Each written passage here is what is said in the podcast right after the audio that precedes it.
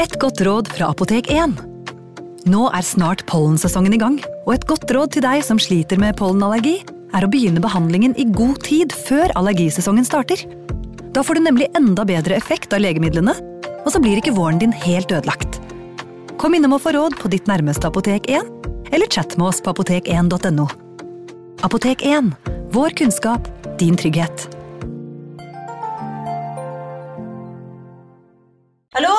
Jeg kommer fra Oslo politikammer. Ine Jansen er purk. Er du purk? The motherfucking bitch. Alt jeg vil, er å finne ut hva som skjedde med mannen min. Jon Carew. Er jeg sikta for noe? Iben Akeli. Det er du.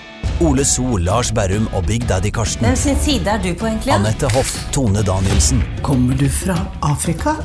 Jørnis Josef, Nesten kløfta. Trond Espen Seim, Det er synd å si det, men det var feil mann som døde. Purk. Premiere tirsdag på TV2 Play. Ungsamtalen fra DNB er økonomisk veiledning tilpasset deg som er ung. Bokk en ungsamtale på dnb.no. slash ung. Det er kjempebra hvis du skal inn på boligmarkedet, hvis det er drømmen din, liksom. Det er det du skulle sagt. Og så kunne du ropt litt mer, da, sånn som jeg gjorde. Bam! Advarsel. Denne podkasten inneholder skildringer av ekte drap og kriminalsaker som kan være støtende for enkelte. Det advares også mot sterke inntrykk i deler av episoden. Natalie Wood var et vaskeekte Hollywood-ikon. Hun var vakker og talentfull med en unik utstråling. Hun var også kjent for å være seriøs og profesjonell, og fikk kallenavnet One Take Natalie som følge av hennes evne til å få scenene til å sitte på første tagning. Dette var med på å gjøre henne til en av hennes generasjons mest populære skuespillerinner. Natalie vil for alltid bli husket for sine filmer, men tragisk nok ville hennes død bli nesten like omtalt som hennes liv. Verden har en tendens til å stoppe opp når kjendiser dør, og Natalie var ikke noe unntak. Nesten 40 år senere blir hendelsene som ledet til hennes drukning, fremdeles diskutert. I sentrum av mysteriet er det ett enkelt spørsmål. Ble Natalie Wood drept, eller var det bare en tragisk ulykke? Velkommen til True Crime Podden.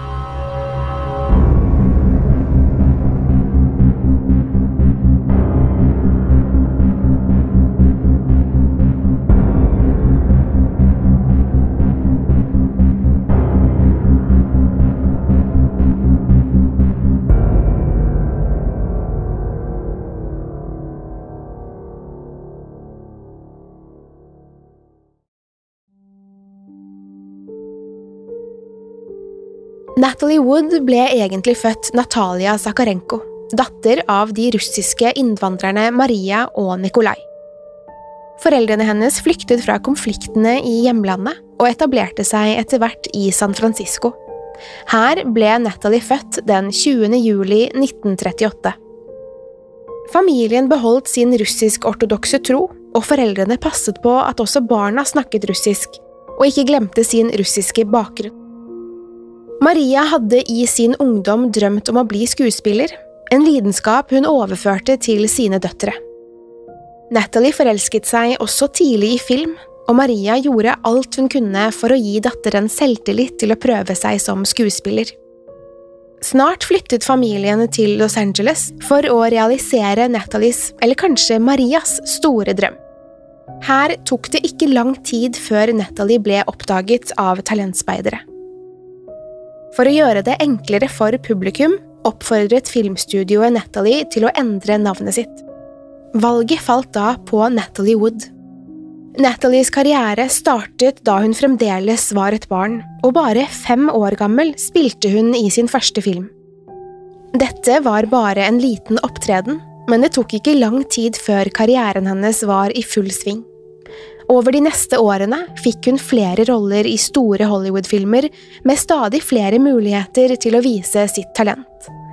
Åtte år gammel fikk hun sitt store gjennombrudd. Hun hadde en sentral rolle i filmen Miracle on 34th Street, som ble en stor suksess. Etter dette ble Natalie ansett som en av de største barnestjernene i bransjen. Det finnes mange tragiske historier om barnestjerner som ikke klarer overgangen til voksenlivet. For Natalie virket dette nærmest uanstrengt. Hun fortsatte å jobbe, og fikk anerkjennelse for sitt unike talent.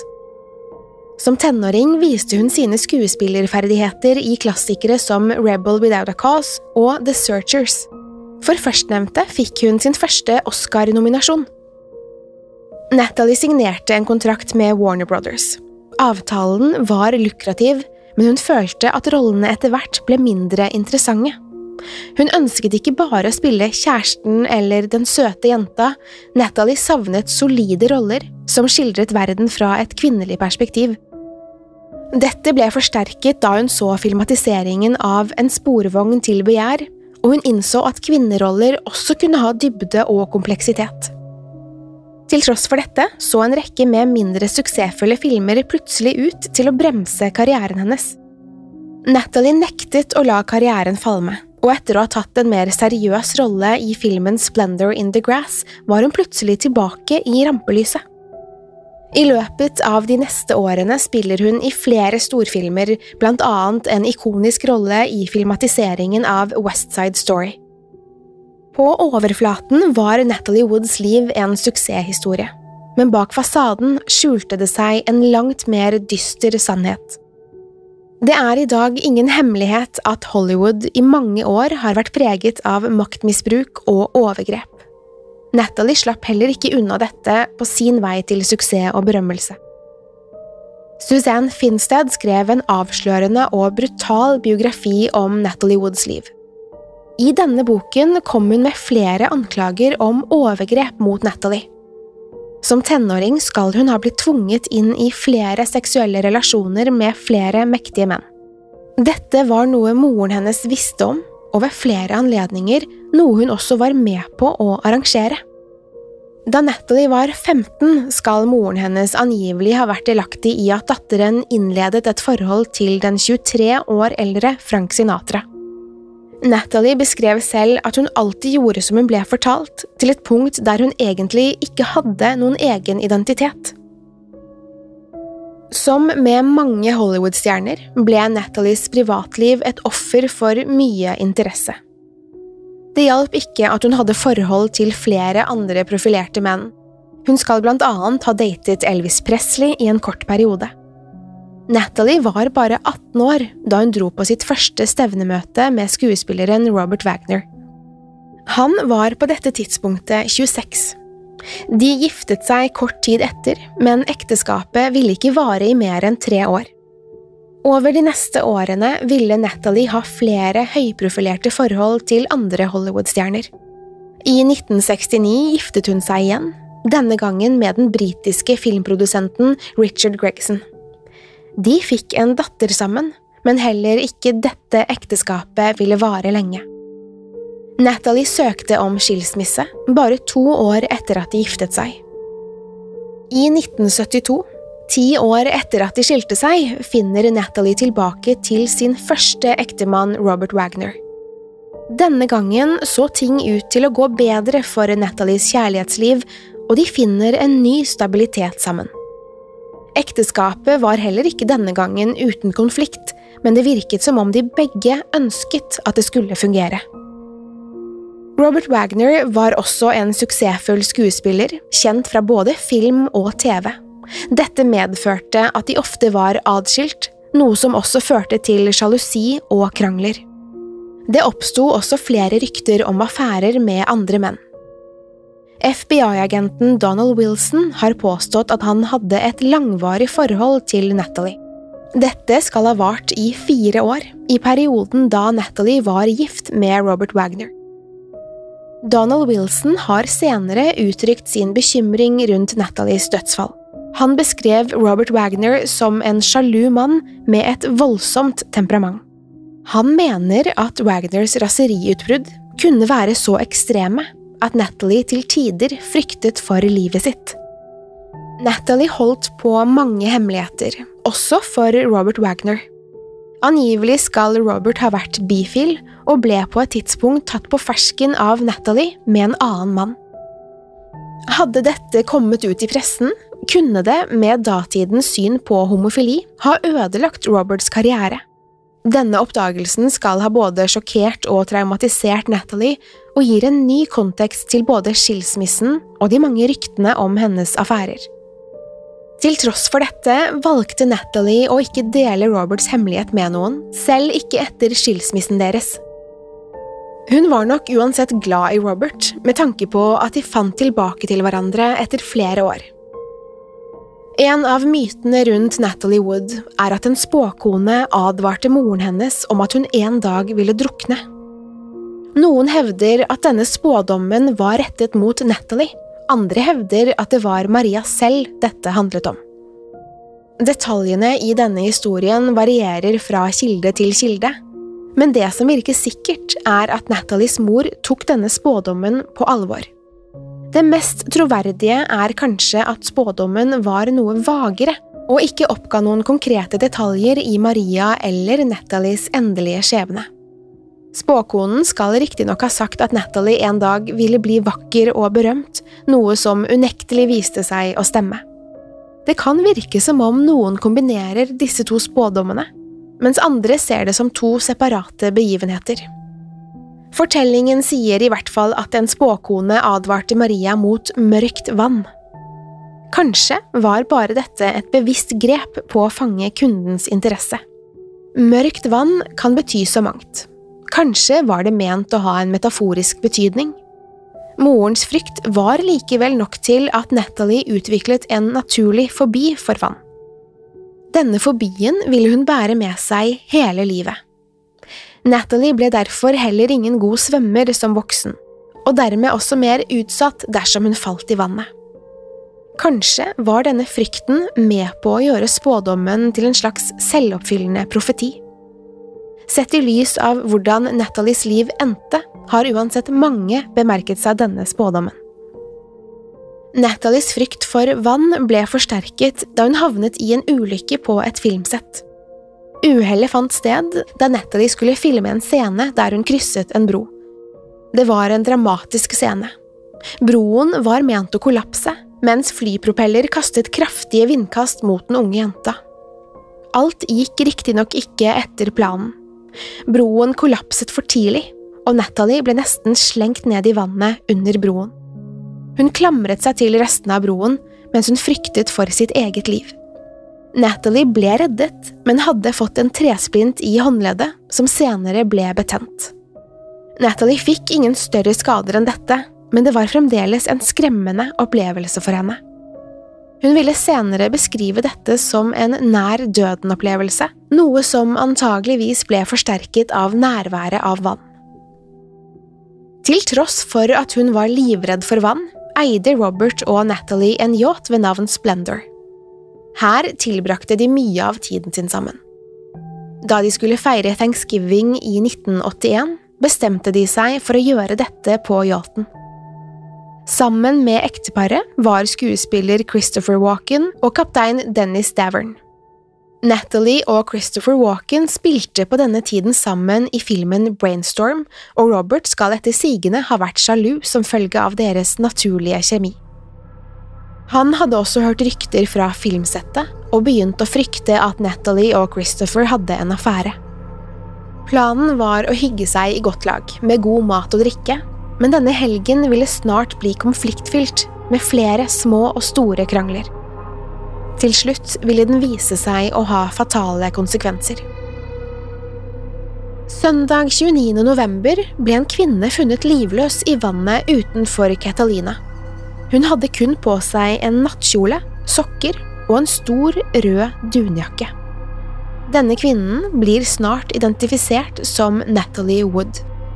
Politiet erklærer snart Natalies dødsfall som et uhell. Hun har flere skader på kroppen og ansiktet, men den offisielle dødsårsaken er drukning. Saken får naturlig nok massiv oppmerksomhet. En stor Hollywood-stjerne som på tragisk vis ble revet bort altfor tidlig. Saken kunne kanskje endt her. Det var nok av bevis som underbygget politiets teori om et uhell. Natalie hadde drukket alkohol og gikk i sokkelesten på det glatte båtstekket midt på natten. Som følge av hennes forbi mot vann var ikke Natalie en god svømmer. Flere hevdet at hun ikke kunne svømme i det hele tatt. Disse argumentene peker alle i retning mot at Natalie skled og falt i vannet og kavet for å komme seg om bord i skipets redningsbåt. Til slutt slet hun seg ut, eller frøs i hjel, i det kalde vannet. Dette er ikke en umulig historie, men mange nektet likevel å godta dette hendelsesforløpet. Flere detaljer som kom frem var motstridende, og alle de involverte fortalte ulike versjoner. Så hva skjedde egentlig den natten? Hva foregikk i dagene som ledet til denne hendelsen? La oss utforske Natalie Woods siste dager. La oss begynne med slutten. Det store spørsmålet var hva Natalie Wood i det hele tatt gjorde på dekket midt på natten. Den offisielle versjonen pekte på at Natalie hadde forsøkt å klatre ned i yachtens livbåt og sklidd på badetrappen. Hun forsøkte å ta seg opp i livbåten, men panikken satt inn. Dette kunne forklare både skadene på Natalies kropp og kloremerkene på livbåten. Dette var i hvert fall rettsmedisinerens umiddelbare forklaring. Thomas Noguchi var ansvarlig for å undersøke Natalie, og konstaterte at skadene på Natalie samsvarte med denne historien. Et sår på kinnet hennes indikerte at Natalie kanskje slo hodet mot kanten av livbåten før hun traff vannet. Det ble spekulert i om denne skaden kan ha slått henne bevisstløs, men dette ble sett på som lite sannsynlig. Saken ville riktignok fortsette å plage Noguchi, og han ville senere stille spørsmål om sin egen konklusjon. Noguchi fikk allikevel aldri mulighet til å rette opp i dette. Han endte opp med å bli degradert fra sin stilling etter å offentlig ha diskutert saken, og særlig konfliktene mellom Robert Wagner og Natalie Wood. Dette skal ha skjedd med hjelp av Roberts gode venn Frank Sinatra. Men hva fikk egentlig Natalie til å ville forlate skipet midt på natten? Hvor skulle hun kun iført nattkjole? Dette virket ikke som en logisk avgjørelse for en person med en paralyserende frykt for vann. At dette var midt på natten, burde forsterket denne redselen, da Natalie spesifikt fryktet mørkt vann. Det skal ha regnet tungt denne natten, og tanken på å dra ut på havet i en redningsbåt høres utenkelig ut. Natalie var kun iført en nattkjole og sokker med en dunjakke utenpå, et antrekk hun neppe ville forlatt båten i. Et underlig aspekt ved saken er hvorfor Natalie i det hele tatt ønsket å være på yachten. Mange har spekulert i om hennes fobi mot vann var så omfattende som noen kilder vil ha det til. Hun ble jevnlig observert mens hun alene kjørte til og fra yachten i den lille redningsbåten. Natalie og Robert skal ha elsket å tilbringe fritiden sin på Splendor, noe som ikke samsvarer med en som hatet synet av vann. Disse detaljene er med på å skape ytterligere mystikk og usikkerhet rundt saken. Et annet sentralt spørsmål var hvorfor ingen av de tre mennene hørte henne rope om hjelp og kom til hennes unnsetning. Det kunne kanskje tenkes at Natalie kom seg om bord i livbåten, og at hun falt i vannet et stykke fra Splendor. Dette kunne forklart hvorfor ingen hørte Natalies rop. Det var en regnfull natt, og bølgene kunne kanskje ha kastet henne ut av livbåten. Det er lite som tyder på at det var dette som hendte. Da livbåten ble funnet, var nemlig ikke motoren på båten skrudd på. Robert Wagner har fortalt flere ulike versjoner av kvelden i årene etter Nathalies død. Han skrev i sin biografi at han og Christopher Walken hadde en politisk diskusjon store deler av kvelden. Men Wagner presiserte at dette var som følge av to engasjerte debattanter, og ikke en underliggende konflikt. Natalie skal ikke ha vært like engasjert i denne diskusjonen, og meldte seg raskt ut. Hun skal ha gått for å legge seg tidligere enn de to mennene. Robert fortalte at Natalie ofte ble holdt våken av at redningsbåten dunket mot skroget. Han hadde ofte selv gått for å stramme fortøyningen midt på natten, men antok at Natalie denne kvelden gikk ut for å gjøre dette selv. Ettersom Natalie var kraftig beruset, så Robert på dette som den mest logiske forklaringen. Alternativet Robert presenterte, var at Natalie ble lei av situasjonen og bestemte seg for å stikke av. Kanskje hun ønsket å gjøre et poeng ut av det, foreslo Robert. Han beskrev at han ikke ble umiddelbart bekymret, ettersom Natalie ofte dro av gårde i livbåten på egen hånd. Robert Wagner fremsto i etterkant som en sørgende ektemann. I Nathalies begravelse var han gråtkvalt. Familie, venner og kollegaer hadde samlet seg for å si farvel. En enkel melodi spilles på en balalaika, en hyllest til Nathalies russiske bakgrunn. Robert kysset Nathalies kiste som et siste farvel til sin kone. Til tross for dette var det mange som mistenkte at Robert kanskje visste mer enn han ga uttrykk for. Hvorfor stilte ikke politiet flere spørsmål?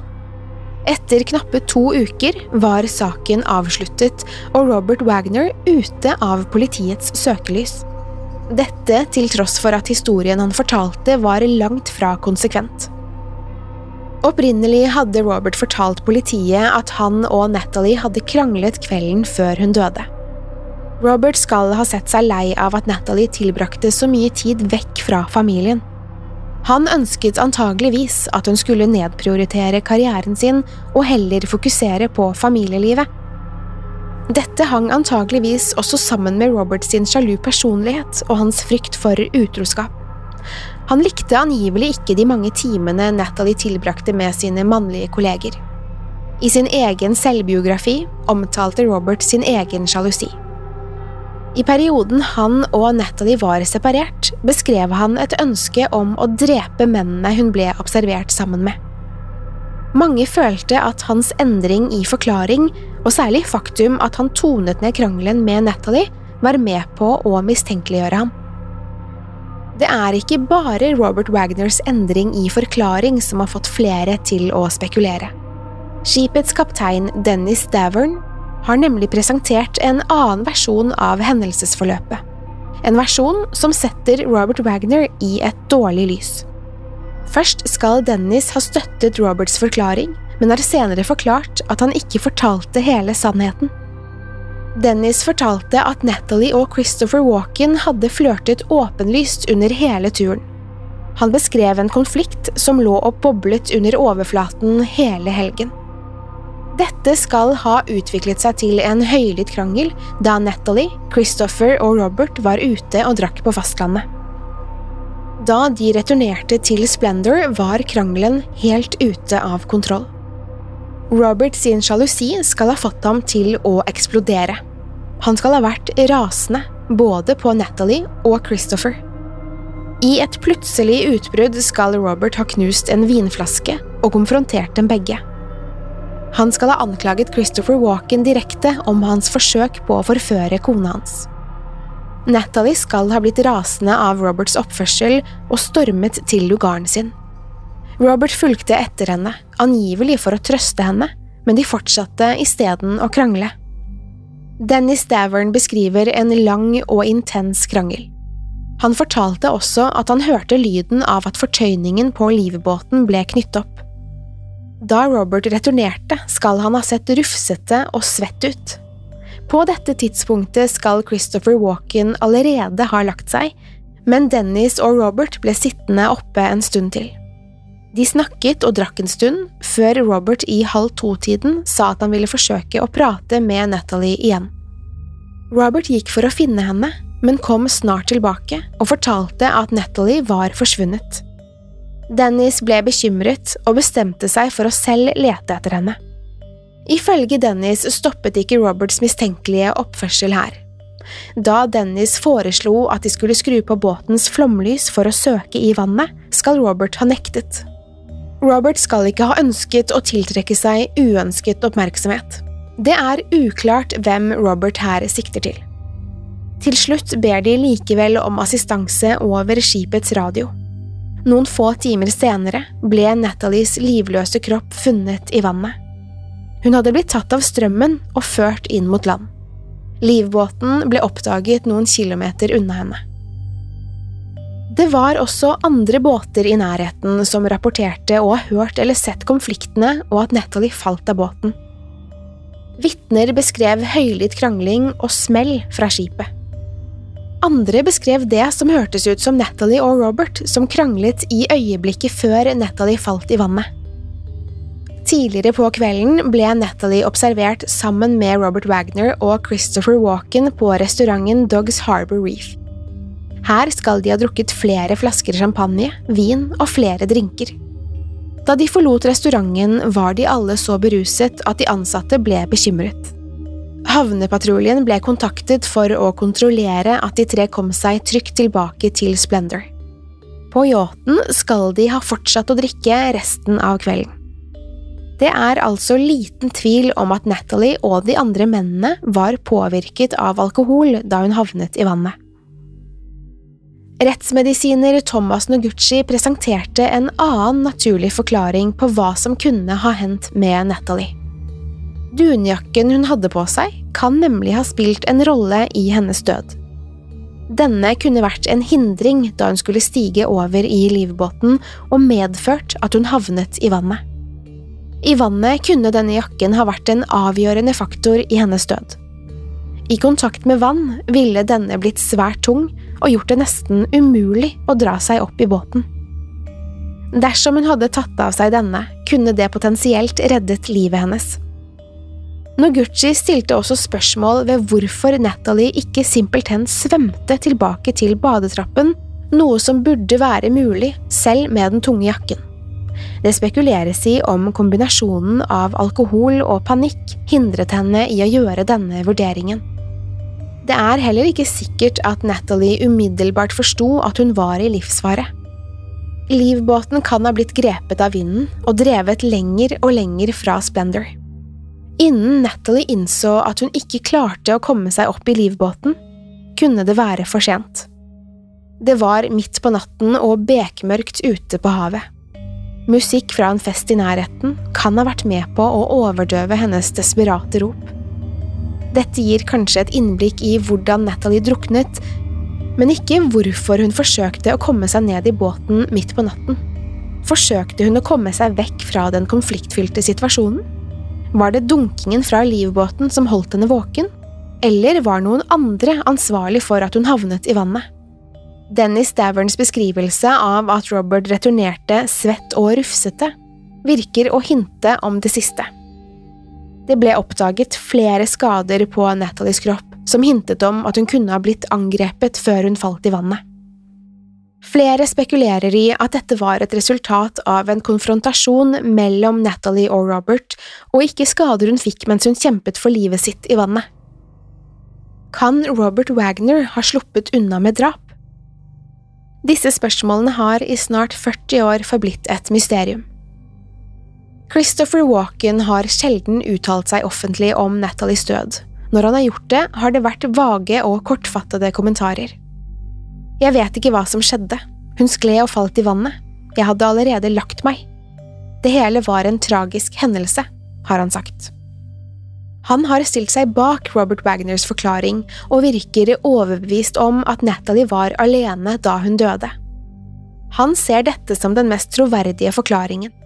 Han mener det ville vært lett å gli på badetrappen, særlig i en beruset tilstand. Walken har også bekreftet opplysningen om at Natalie ikke kunne svømme. Det har aldri blitt rettet noen mistanke mot Christopher Walken, og han hadde heller ikke noe motiv for å ville drepe Natalie. De som er overbevist om at saken ikke er løst, vil aldri bli fornøyde med sannheten. Fordi sannheten er at det bare var et uhell har Walken tidligere forklart. Man hører om alle slags uhell. Noen sklir i badekaret, noen faller ned trapper, andre går ut i gaten uten å se seg for og blir påkjørt av en bil. Dennis Davern har i senere tid skrevet en egen bok om hendelsen. Han har uttrykt sin mistanke om at Nathalies død ikke var en ulykke. Dennis var ikke alene om dette, og saken genererer stadig oppmerksomhet. Etterforskningen ble gjenåpnet i 2011. Året etter ble Nathalies død klassifisert som mistenkelig. Det ble ikke startet noen ny etterforskning mot Robert Wagner, men nye detaljer var med på å fornye mistanken mot ham. Wagner, som i dag er 90 år, nekter for alle anklagene mot ham. Hvis Dennis Daverns anklager mot Robert er korrekte, kan dette være sentrale detaljer i saken. Men hvor pålitelig er egentlig Davern? Han har også endret forklaring flere ganger over årene. Kan det være at hans nye anklager henger sammen med et ønske om å skape interesse for sin egen bok? Mysteriet om hva som egentlig skjedde, forblir uløst til denne dag. Naturlig nok har Nathalies berømmelse vært med på å generere ekstra fascinasjon, men det er de mange teoriene og motstridende bevisene som har holdt liv i saken. Natalie Woods død er en utfordrende og frustrerende sak, hvor man kan finne flere overbevisende argumenter for både drap og ulykke. Ettersom årene har gått, virker det uansett mindre og mindre sannsynlig at man noensinne vil sitte igjen med et definitivt svar på hva som egentlig skjedde. Robert Wagner er den eneste som kan gi svar på hva som hendte med Natalie, og hans historie er enn så lenge at det var et uhell.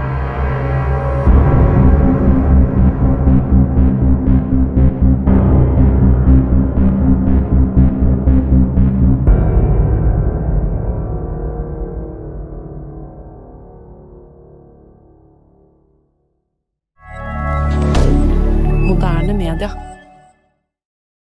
Har du et enkeltpersonforetak eller en liten bedrift? Da er du sikkert lei av å høre meg snakke om hvor enkelt det er med kvitteringer og bilag i fiken, så vi eh, gir oss her, vi. Fordi vi liker enkelt.